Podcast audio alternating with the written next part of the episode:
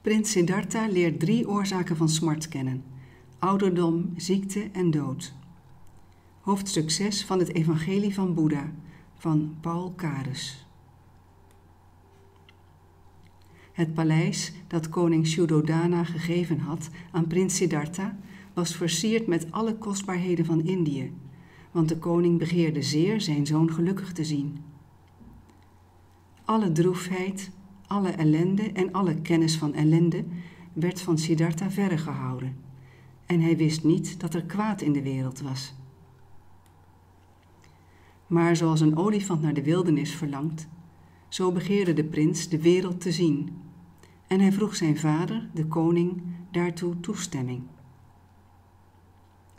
En Shuddhodana gelaste dat een met juwelen versierde wagen met vier prachtige paarden zou gereed gehouden worden, en beval dat de wegen langs welke zijn zoon zou rijden, zouden worden versierd. De huizen van de stad waren getooid met guirlandes en banieren, en de toeschouwers schaarden zich aan beide zijden, verlangend ziende naar de erfgenaam van de troon. Alzo reed Siddhartha met Shanna, zijn wagenmenner, door de straten van de stad en naar buiten in het landschap, besproeid door beekjes en bedekt met mooie bomen. Daar ontmoetten zij aan de kant van de weg een oude man.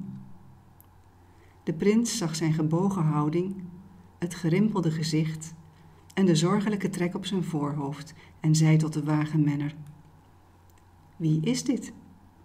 Zijn hoofd is wit, zijn ogen tranen en zijn lichaam is verschrompeld. Hij leunt op zijn staf en kan zich nauwelijks staande houden. De wagenmenner, zeer in verlegenheid gebracht, durfde nauwelijks naar waarheid te antwoorden. Hij zei: Dit zijn de verschijnselen van de ouderdom.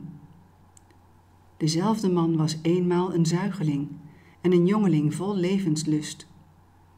Maar nu de jaren zijn voorbijgegaan, is zijn schoonheid verdwenen en zijn levenskracht verbruikt. Siddhartha was zeer getroffen door de woorden van de wagenmenner en hij zuchtte uit deernis met de ouderdom. Welke vreugde of genoegens kunnen de mensen smaken, dacht hij bij zichzelf, wanneer zij weten dat zij zo spoedig verwelken en verkwijnen. En zie, terwijl zij voortgingen, verscheen een zieke man aan de kant van de weg, naar adem snakkend, zijn lichaam misvormd, stuiptrekkend en kreunend van pijn. De prins vroeg zijn wagenmenner: Wat voor soort man is dit? En de wagenmenner antwoordde en zei: Deze man is ziek. De vier elementen van zijn lichaam zijn verward en niet goed in orde. Wij zijn allen onderworpen aan zulke toestanden, armen en rijken, onwetende en wijzen. Alle schepsels die een lichaam hebben, kan dezelfde ramp overkomen. En Siddhartha was nog meer ontroerd. Alle genoegens schenen hem vergald en hij walgde van de vreugde van het leven. De wagenmenner zette zijn paarden tot spoed aan om aan het akelige gezicht te ontkomen, toen zij plotseling in hun vurige vaart werden tegengehouden. Vier personen gingen voorbij. Zij droegen een lijk de prins huiverde bij de aanblik van een levenloos lichaam en vroeg de wagenmenner: Wat dragen deze lieden? Er zijn wimpels en bloemengierlandes, maar de mannen die volgen zijn overstelpt van smart. De wagenmenner antwoordde: Dat is een dode man. Zijn lichaam is verstijfd, zijn leven is heengegaan. Zijn gedachten hebben opgehouden. Zijn familie en vrienden die hem lief hadden, dragen nu zijn lijk naar zijn graf. En de prins was vervuld van ontzetting en schrik. Is dit de enige dode? vroeg hij. Of zijn er nog andere zo in de wereld? Met een bezwaard hart antwoordde de wagenmenner. In de hele wereld is dit zo. Hij die het leven begint, moet het ook eindigen. Er is geen ontkomen aan de dood. Met beklemde adem en stokkende stem riep de prins uit: O wereldse mensen, hoe noodlottig is uw waan! Onvermijdelijk zal uw lichaam tot stof vergaan, en toch leeft gij zorgeloos voort, zonder er acht op te slaan. De wagenmenner, die merkte welke diepe indruk deze droeve tonelen op de prins hadden gemaakt, wendde zijn paarden en reed terug naar de stad.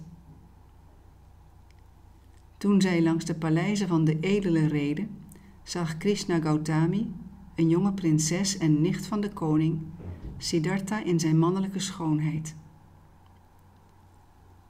Toen zij bespeurde hoe nadenkend zijn voorkomen was, zei ze: Gelukkig de vader die u gewon, gelukkig de moeder die u verzorgde, gelukkig de vrouw die zo'n roemrijke heer haar echtgenoot noemt. De prins hoorde deze groet en zei: Gelukkig zijn zij die verlossing gevonden hebben. Ik verlang naar de vrede van het gemoed en zal de zaligheid van Nirwana zoeken.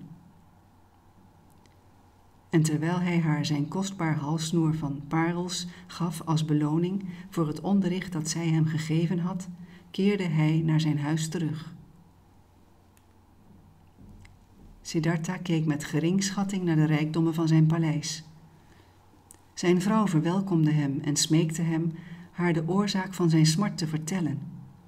En hij zei: Overal zie ik de tekenen van verandering.